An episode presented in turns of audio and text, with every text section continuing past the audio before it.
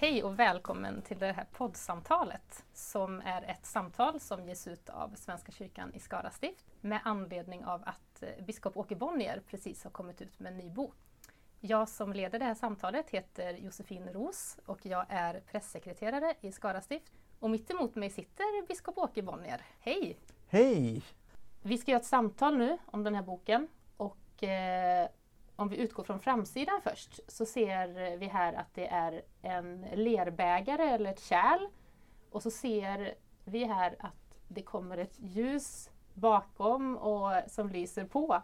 Och det skulle vara jätteintressant att höra dina tankar kring omslaget. Jag tänker på, på det som är fullkomligt. Det finns väldigt lite sådant. Det finns inga människor som är fullkomliga möjligen ska man, skulle man kunna säga att Jesus var fullkomlig, men det är Jesus. Eh, vi alldeles vanliga människor, vi är ofullkomliga. Vi är lerkärl. Det här är nog en lerkalk skulle jag säga, mm. som det är en spricka i. Och så är det ljus som tränger igenom sprickan. Och så tänker jag också på, på Leonard Cohens underbara text som är på engelska så här Ring them bells that still can ring Forget your perfect offering There is a crack in everything. That's how the light gets in. Alltså det finns eh, Ring de klockor som fortfarande kan ringa. Glöm det perfekta offret. Det är en spricka i allt. Det är på det viset som ljuset kommer in. Och jag tänker att den här boken den är på ett sätt en sorts eh, sätt att visa på att, att man kan tänka på olika vis, att man kan eh, att olika saker kan bli belysta på olika sätt eh, och att det där med sprickor mm. inte är så farligt. Nej.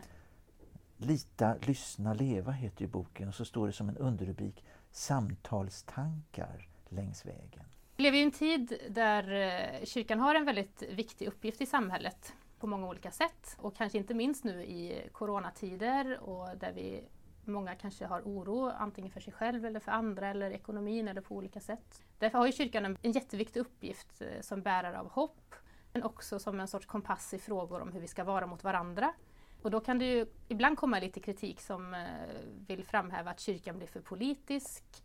Eh, och det är faktiskt någonting som du tar upp i bokens allra första kapitel. Det skulle vara intressant att höra dina tankar om det.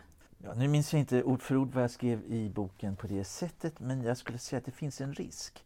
Och den risken är att kyrkan isoleras av andra. Mm. Var gärna kyrka och ni har era byggnader. Eh, var där och trösta och så, och det är fint. Och visst ska vi trösta i den mån man alls kan trösta. Eh, och visst ska vi självklart visa på hoppet, för det bärs vi utav. Men det är också så att Jesus har inte kallat oss att gå in, han har kallat oss att gå ut. Och då handlar det om engagemang. Evangeliet är politiskt i den bemärkelsen att evangeliet handlar om hela tillvaron. Det finns ingenting i vår tillvaro, vår värld, som inte ryms i evangeliet och eh, omsluts av evangeliet. Eh, och vi kan inte tiga med vad vi har sett och hört. Paulus utbrister också i Romarbrevet i Nya Testamentet Jag skäms inte för evangeliet. Eh, och det där det har gripit tag i mig så oerhört. Vi ska inte skämmas för det vi står för. Och då handlar det om alla möjliga saker. Då handlar det om fördelningsfrågor, då mm. handlar det om miljöfrågor, då handlar det om olika andra typer av politiska frågor. Eh, och det här är jätteviktigt och det handlar inte minst om människovärdesfrågor.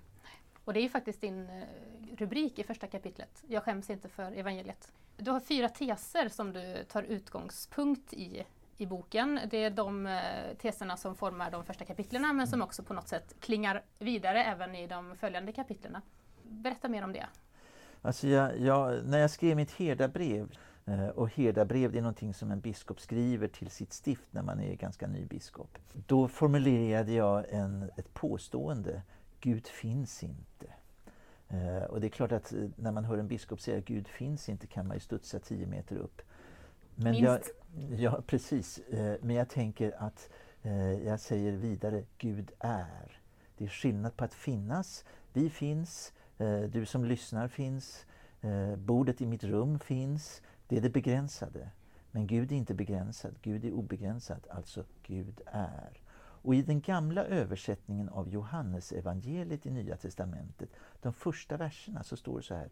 I begynnelsen var Ordet och Ordet var hos Gud och Ordet var Gud. Eh, alltså att vara är ett, ja det är och att vara det är samma sak. Sen så några år senare så gick jag och funderade på, eh, men om det är så att Gud är, vad kan man säga då mera om Gud utan att förminska Gud? Är Gud kristen till exempel? Mm. Eh, nej, Gud är nog inte kristen. Men eh, är Gud muslim då? Nej, Gud är inte muslim. Är Gud jude då? Nej, Gud är inte jude. Ja, men vad är Gud då? Jo, Gud är inte religiös. Nej, okej. Okay. Men om Gud inte är religiös, vad är Gud då? Jo, Gud är generös. Och det där det har uppfyllt mig något alldeles kolossalt. Och utifrån det där, att Guds generositet som vi möter på så otroligt många sätt, som det kan vara bra att i dessa coronatider mm. påminna sig om, eh, så började jag fundera tillsammans med andra också. Men hur ska vi förhålla oss till det här? Jo, vi får lita till Fadern. Vi har inte grepp om Gud. Det går inte. Vi, vi kan inte säga Gud är inte där, Gud är inte hos dem, vi, de möter inte Gud utan det är bara vi som gör. Och så tror vi att vi liksom kan begränsa Gud. Men vi har inte grepp om Gud. Men Gud då? Jo, oh, han har grepp om oss. Och det är det fantastiska. Och då får vi lita till Fadern. Och Fadern är då inte en gubbe på ett moln, det är inte eh, ett sorts genderbegrepp, utan det handlar om relation. En Gud vars väsen är relation, som vill relation med var och en av oss. Jag tänker att eh, det här du pratar om att eh, Gud inte är muslim eller jude eller så, att det spelar också an till oss människor att vi vill gärna kategorisera in varandra men också kategorisera Gud på det sättet. Ja, ja men precis. Eh, och det är ju också även så med, som du säger, med lita till Fadern, att vi bara får omslutas av den kärleken på något sätt ja. utan att behöva sätta massa kategorier. Ha lite Guds tillit säger jag ja. ibland. Och det, är, det är en uppmaning som jag kan ge mig själv och som jag kan ge dig som lyssnar på det här också. Ha lite Guds tillit. Ja. Men Jesus då? Ja. ja, men honom får vi lyssna till. Han är ju så spännande, säger jag också i boken. Eh, det, jag blir liksom aldrig färdig med honom. Utan vi får lyssna till honom. Hur gör vi det då? Ja, det gör vi naturligtvis i evangelietexterna, eh, alltså de fyra evangelierna Matteus, Markus, Lukas och Johannes. Men man kan också säga att Jesus talar till oss i hela Bibeln. Och då blir det spännande. Då måste vi in under ytan och försöka förstå vad säger bibeltexterna till oss som kristna? Mm. Hur talar de till oss? Eh, och det där känns jätteviktigt. att eh, Man kan läsa alla möjliga olika texter också i Gamla Testamentet utifrån ett Jesusperspektiv. Det får vi göra så länge vi vet att vi gör det. Mm. Eh, och inte hävda att det är den enda läsningen. Våra judiska vänner läser inte ur något Jesusperspektiv. De läser ur ett judiskt perspektiv och det är en lika viktig läsning det. Så vi får lyssna till Jesus. Det får vi också göra naturligtvis i nattvarden, när vi firar nattvard, i gudstjänst överhuvudtaget och i våra medmänniskor. Jesus själv säger, vad helst ni har gjort mot en av dessa minsta har ni gjort mot mig. Lyssna till vår medmänniska. Leva med Anden, mm. det är spännande också. Eh, jag tänker på Anden ur alla möjliga olika perspektiv. Jag tänker på Anden som Guds närvaro, Gud som är verksam här och nu. Men Anden är ju verksam på alla möjliga olika sätt och i alla möjliga olika sammanhang. Vi talar om Andens frukter. Eh, kärlek, glädje, frid. Det där står i Galaterbrevets... Självbehärskning. Eh, självbehärskning, precis. Eh, det står i, hos Paulus i hans brev till Galaterna i ett av de sista kapitlen, om det är femte eller sjätte kapitlet där. Eh, och eh, då så tänker jag att eh, Andens frukter, de mognar också utanför kyrkan. Och det är spännande. Det betyder ju att de mognar också hos mina muslimska syskon, att de mognar hos mina judiska syskon, att de mognar hos mina hinduiska syskon och så vidare. Alltså också utanför kyrkan och hos mina syskon som bekänner sig till ateismen. Mm. Väldigt intressant tanke. Ja, alltså Guds ande, ja. vare sig man vill eller inte, är verksam överallt. Och då får vi leva med det. Ja. Vinden blåser vart den vill. Eh, och anden fördelar sina gåvor på det sätt som den själv vill, står det hos Paulus. Och det tycker jag är också fantastiskt. Och väldigt hoppingivande. Absolut. tycker jag, i all, ja, inte minst i dessa tider såklart. Nej men visst, absolut.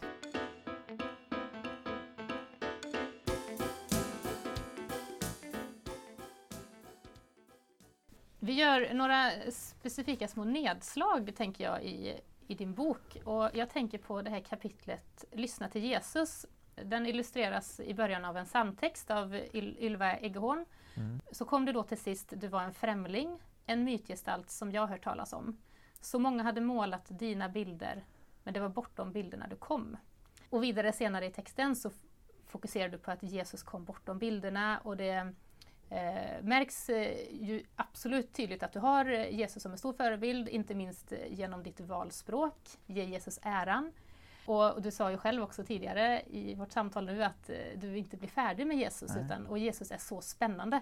Och jag tycker det är så inspirerande just det här uttrycket Jesus är så spännande. Så eh, du får gärna utveckla det ännu mer. Ja men visst är han. Alltså, jag är biskop i Svenska kyrkan, jag är kristen fullständigt självklart. Eh, det som Mark Levengood har uttryckt en gång i en bok, han säger så här, jag är ett stycke kött marinerad i kristen tro.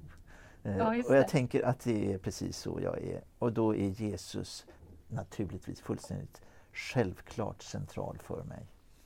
Eh, och då kan man fundera på Jesus ur alla möjliga perspektiv. Vem var karn egentligen? Och jag tänker på, det skriver jag faktiskt inte någonting om egentligen, Jesus som preexistent.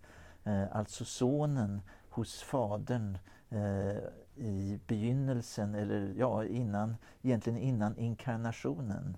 Paulus skriver om detta i Filipperbrevets andra kapitel, den berömda Kristushymnen Eh, var så till sinne som vår Herre Jesus Kristus. Eh, och så talas det om hur han uttömde sig själv eh, och blev människa. Och jag tänker detta spännande att Gud blir människa i en historisk person vid ett historiskt tillfälle på en histo i ett historiskt, historiskt land och plats. Mm. och hur ska jag förstå denne jordiske Jesus, denne judiske Jeshua eh, som han troligen hette. Ja. Jeshua ben Josef, Jeshua Josefs son. Eh, var, eh, var det så att Jesus på något sätt egentligen tyckte det här med judendomen hade spelat ut sin roll och nu kommer han för att starta någonting nytt? Svaret är nej, absolut inte. Han levde fullt ut sitt judiska liv, mm. firade judiska fester, var jude, fullständigt självklart. Vad betyder det för oss idag i förhållande till andra religioner, i förhållande till antisemitism och så vidare. Mm. Att vara antisemit, det är att vara anti-Jesus. Jesus som den korsfäste, den lidande, den korsfäste. Där tycker jag Luther uttrycker det så otroligt bra med tankarna på det saliga bytet. Mm. Eh, tänk vad fantastiskt att vi får komma med våra bristfälligheter och allt det där som har gått snett i livet och liksom lämna över och säga här snälla Jesus ta hand om det här. Och så säger han ja det gör jag. Och vet du vad du får tillbaka av mig? Du får nåd, du får kärlek, du får upprättelse. Du kan räta på din rygg igen. Mm. Eh, det saliga bytet kallas detta för. Vi sjunger om den i psalm 73 i psalmboken. Så den som lyssnar på detta kan slå upp det sen. Och sen tänker jag på att Jesus också visar oss vad det innebär att vara människa. Vad är det på riktigt att vara människa? Det är inte kanske det som eh, vi till dagligdags lever. Eh, jag tänker på en forskare som hette Konrad Lorenz. Han sa så här att den felande länken mellan apan och människan är människan själv. Och då tänker jag, ja just det, Jesus visar oss på det sant mänskliga. Och Pilatus säger i den gamla bibelöversättningen från 1917, så säger han så här, se människan, Det är det som översätts ecce homo. Just det. Eh, detta är människan. Och sen naturligtvis Jesus som den uppståndne. Han som visar oss att livet är starkare än det destruktiva, än alla coronavirus i världen. Mm.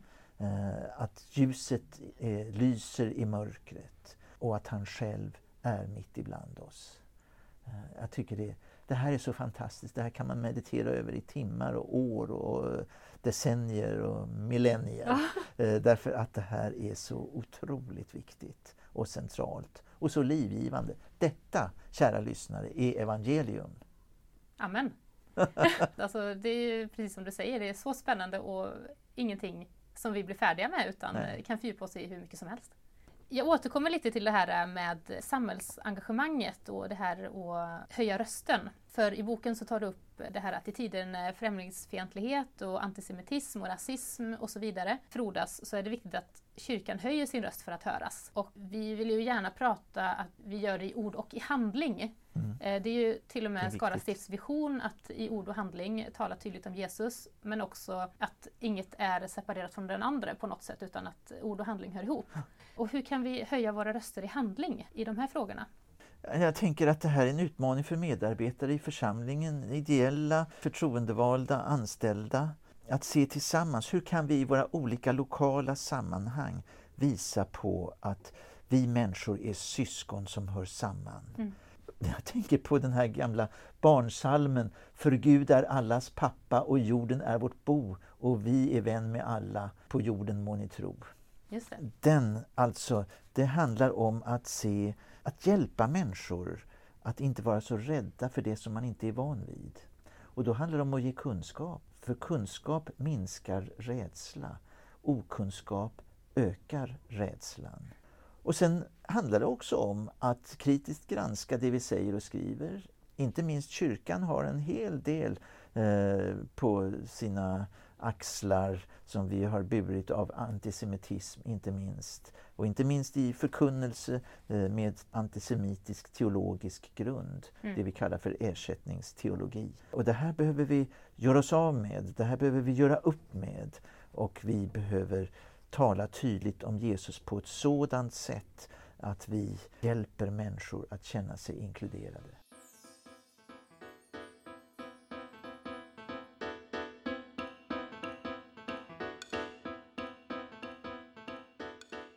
Du skriver att eh, Jesus är källan för vår kärlek men också en förebild som vi är utmanade att efterlikna och hur vi kan ge våra liv för varandra och låta kärleken prägla allting vi gör. Och att leva efter budet att älska varandra så som Gud älskar oss. Och sen vidare skriver du att om vi inte efterlever det här och istället präglas av egoism och habegär så leder det till ett omänskligt beteende. Jag tycker att den här, det här begreppet omänskligt beteende är väldigt intressant. Hur tänkte du när du skrev det och dina tankar kring det? Jag tänker att vi är rätt omänskliga ibland mm. genom den egoism som vi lever i. Jag, min, mitt. Och det är klart att eh, i coronatider kan sånt här frodas också. Det är en del av viruset, egoismen. Även om jag tror att eh, också det finns motmedel mot just den delen av viruset mm. eh, med engagemang och medmänsklighet.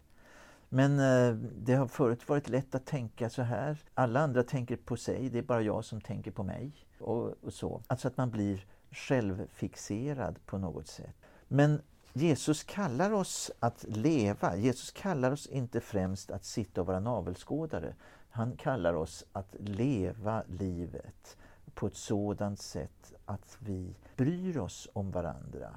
Martin Luther, som ju underströk eh, tron i allra högsta grad, men han säger så här. Goda gärningar gör ingen kristen, men en kristen gör goda gärningar. Mm. Det handlar om etik. Och Jesus själv säger, ett nytt bud ger jag er att ni ska älska varandra. Och så ger han oss måttet på den här kärleken genom det lilla ordet såsom. Så som jag har älskat er ska ni också älska varandra. Och hur älskade han oss? Jo, genom att ge sitt liv för oss. Och vi får ge vårt liv för våra, för våra vänner, för, för, för vår omvärld, för vårt samhälle, för alla möjliga. Eh, och visa på Guds kärlek i detta. Och då handlar det om att inte tänka att andra får starta utan man får vara först, man får ta kärlekens initiativ. Det här är jätteviktigt. Mm. att vara först att älska och också där det är svårt. Du känner till det här uttrycket älska mig mest när jag förtjänar det mm. minst. Det är, det är där det gäller att visa kärlek. Det här är en utmaning, det är vår kallelse. Mm. Och låt oss gå den vägen tillsammans, mm. stötta varandra i detta.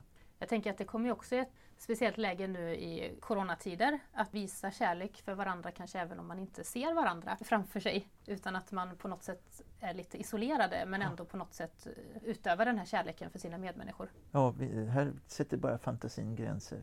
Efter de här kapitlen om teserna så har du skrivit eh, utifrån några kapitel utifrån lite olika perspektiv. Bland annat ja. så skriver du till kyrkoherden och till de som har ett, ett, ledarskap i en församling. Och du betonar vikten av eh, kyrkoherden som andlig ledare och om du skulle dela med dig av lite tips för ett gott andligt ledarskap, har du någonting att dela med dig av där? För det första så tror jag man ska tänka på att man aldrig någonsin kommer bli en riktigt bra andlig ledare.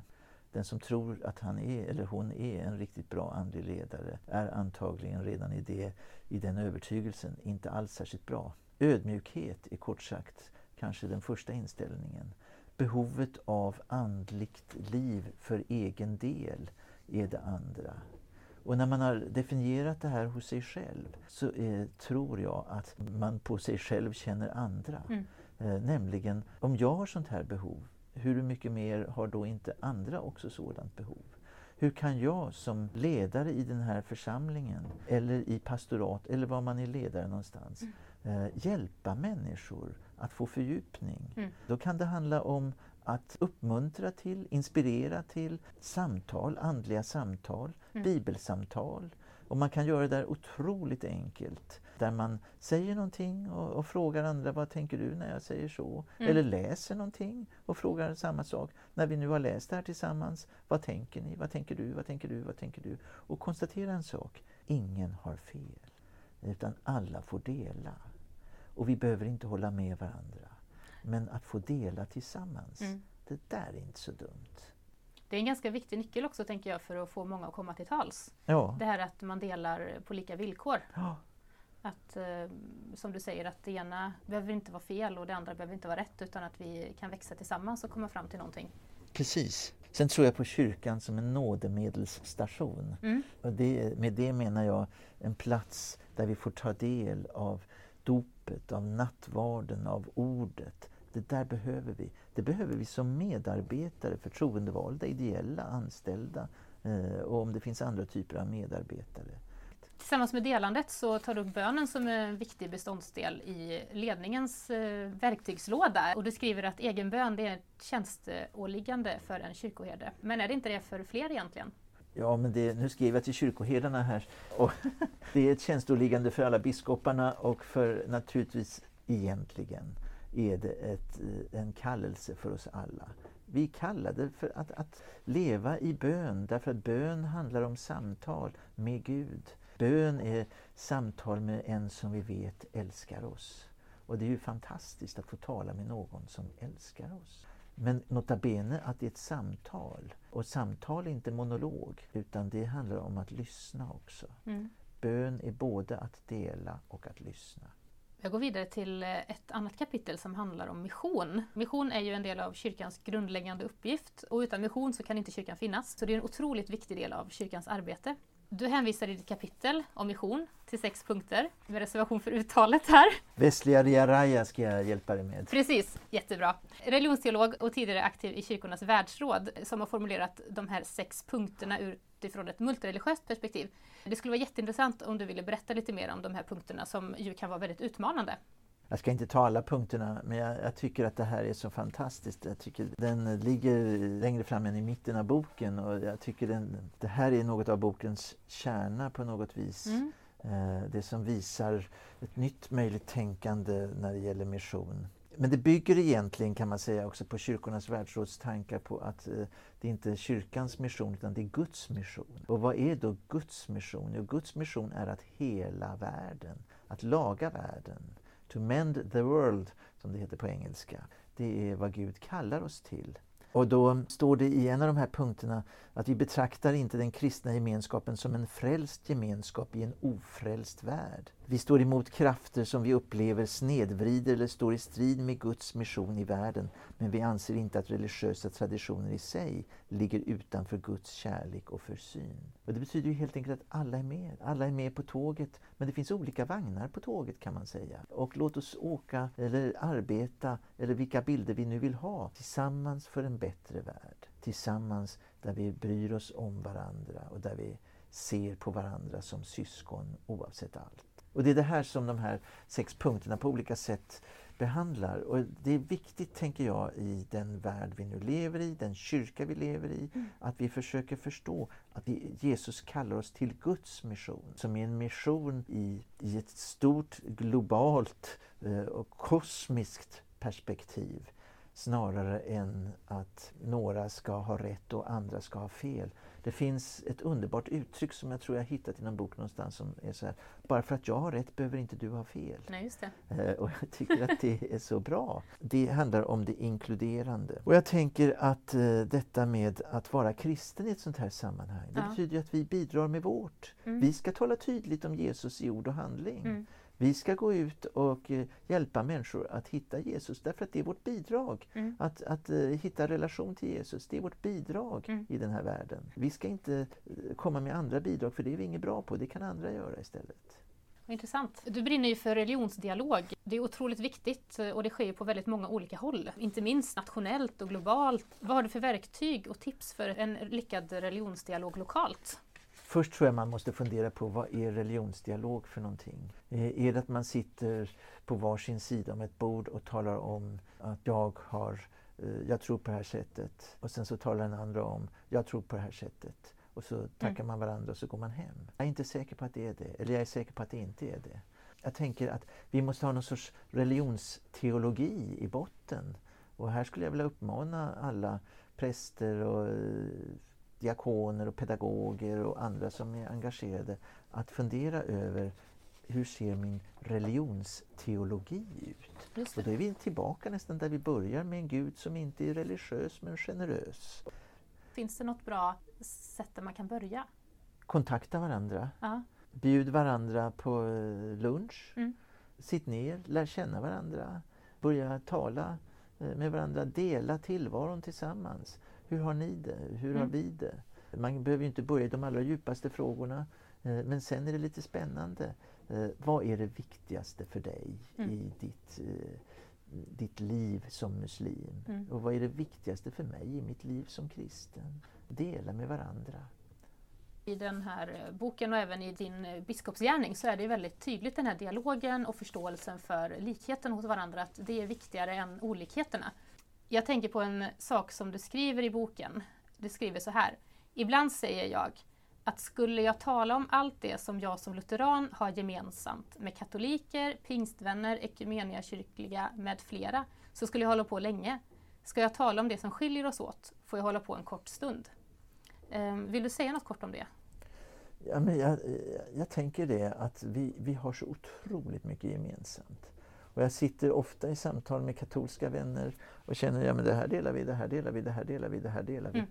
Och med, jag sitter i kyrkans officiella samtalsgrupp med pingstfria församlingar i samverkan. Eh, och jag tänker, åh vad mycket vi har gemensamt. Mm. Och det är inte konstigt, vi har Jesus gemensamt, vi har Gud gemensamt, vi har en helig Ande gemensamt, vi har mm. dopet gemensamt. Sen skiljer vi oss på lite olika punkter. Men vi har hela Bibeln gemensamt. Vi ja. tolkar inte på samma sätt, men vi har hela gemensamt. Och jag är ordförande i Svenska Bibelsällskapet och vi talar ju hemskt mycket om Bibeln eh, i vår styrelse som är en ekumenisk styrelse där jag ser hur mycket vi har gemensamt också. Så att jag, jag, tänker att vi behöver bli bättre på att samtala med varandra snarare än skriva om varandra. Och då upptäcker vi att det är så otroligt mycket som förenar oss. Och det här behöver vi tala högt och tydligt om i en splittrad värld där folk eh, har olika förutfattade meningar om oss ur olika perspektiv.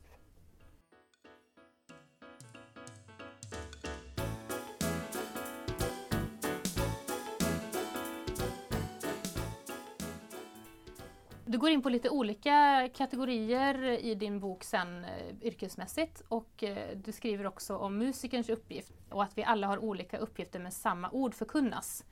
Kan du säga något om hur det skulle kunna se ut? Eller hur det ser ut? Ja, det är snarare hur det ser ut.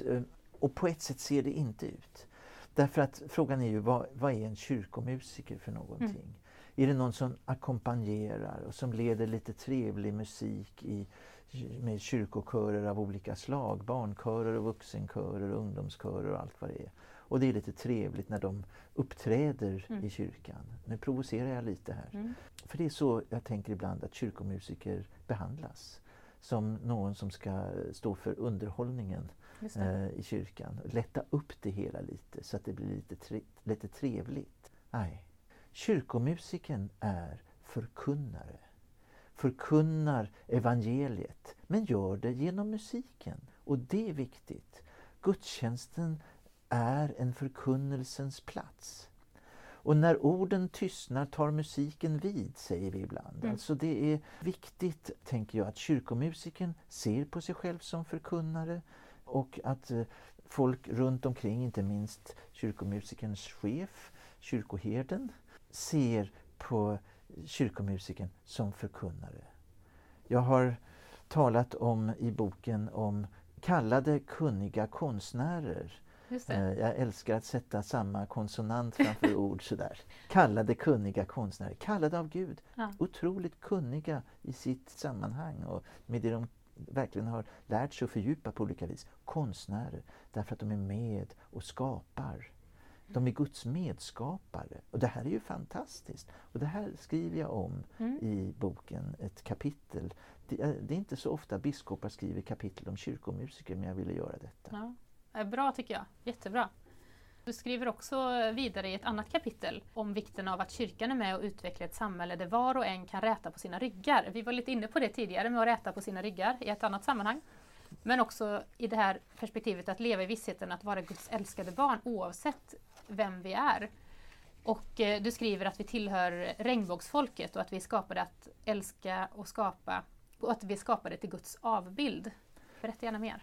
Det här är ju så brinnande vikt i ett samhälle där det fortfarande inte är helt enkelt att komma ut och vara den man är. Och då tänker jag, Jesus säger, eller håller fram det viktigaste av alla bud. Då säger han så här, det viktigaste av alla bud är detta. Hör Israel, Herren vår Gud, Herren är en och du ska älska Herren din Gud av hela ditt hjärta, av hela din själ, av hela din kraft, av hela ditt förstånd. Och så, säger han, och så kommer nästa bud, säger han. Nästa är du ska älska din nästa som dig själv.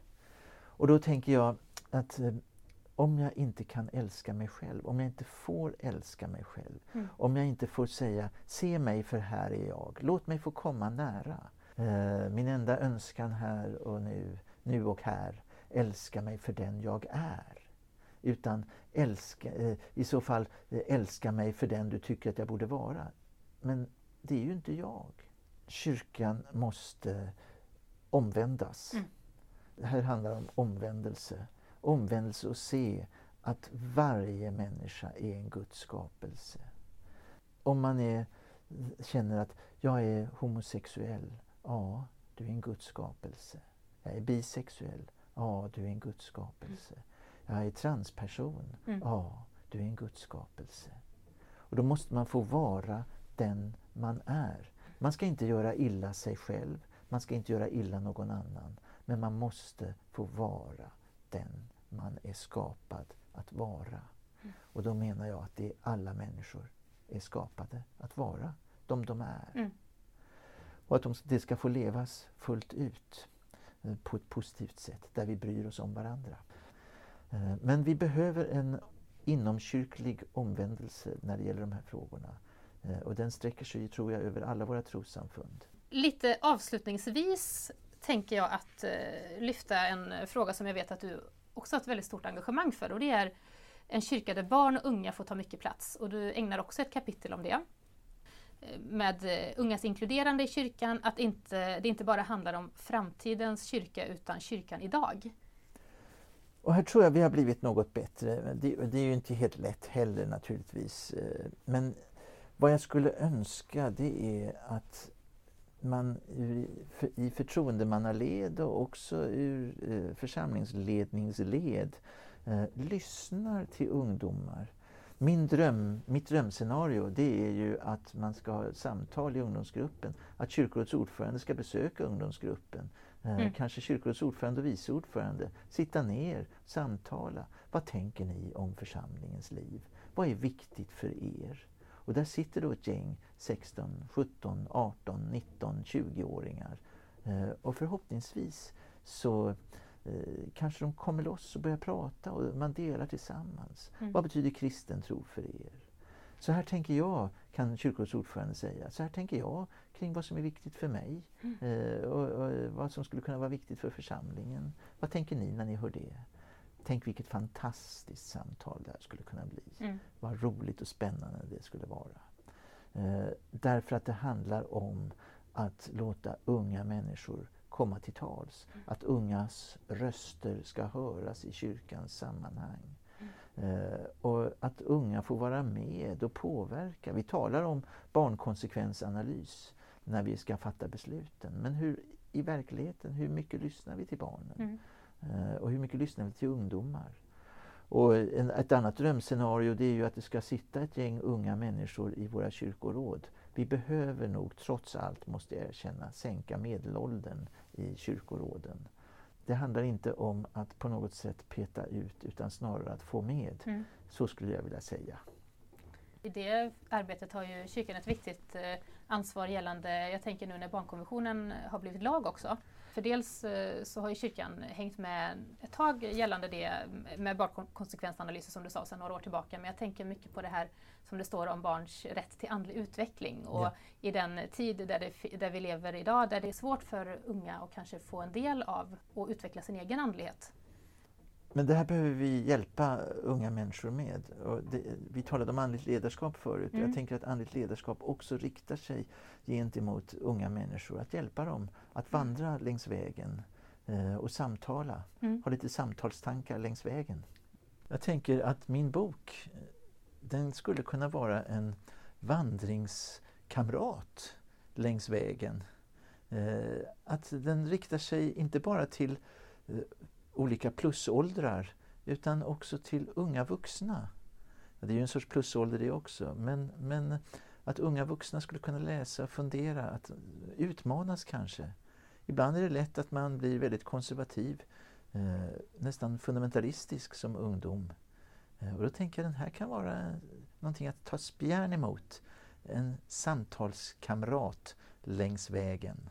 Så jag hoppas att eh, församlingarna ska se till att eh, deras unga ledare och andra yngre engagerade får del av den här boken. Och gärna reagera på den också. Det är ju jättespännande om folk skriver till mig, eh, hör av sig mm. och, och efter att ha läst den. Det vore roligt. Tack så mycket för det här samtalet. Eh, vi Tack. får fortsätta samtalet och eh, det går ju bra genom att eh, exempelvis beställa boken på bokförlaget Verbums hemsida. Och därmed är det här poddsamtalet slut och vi vill säga tack till dig som har lyssnat.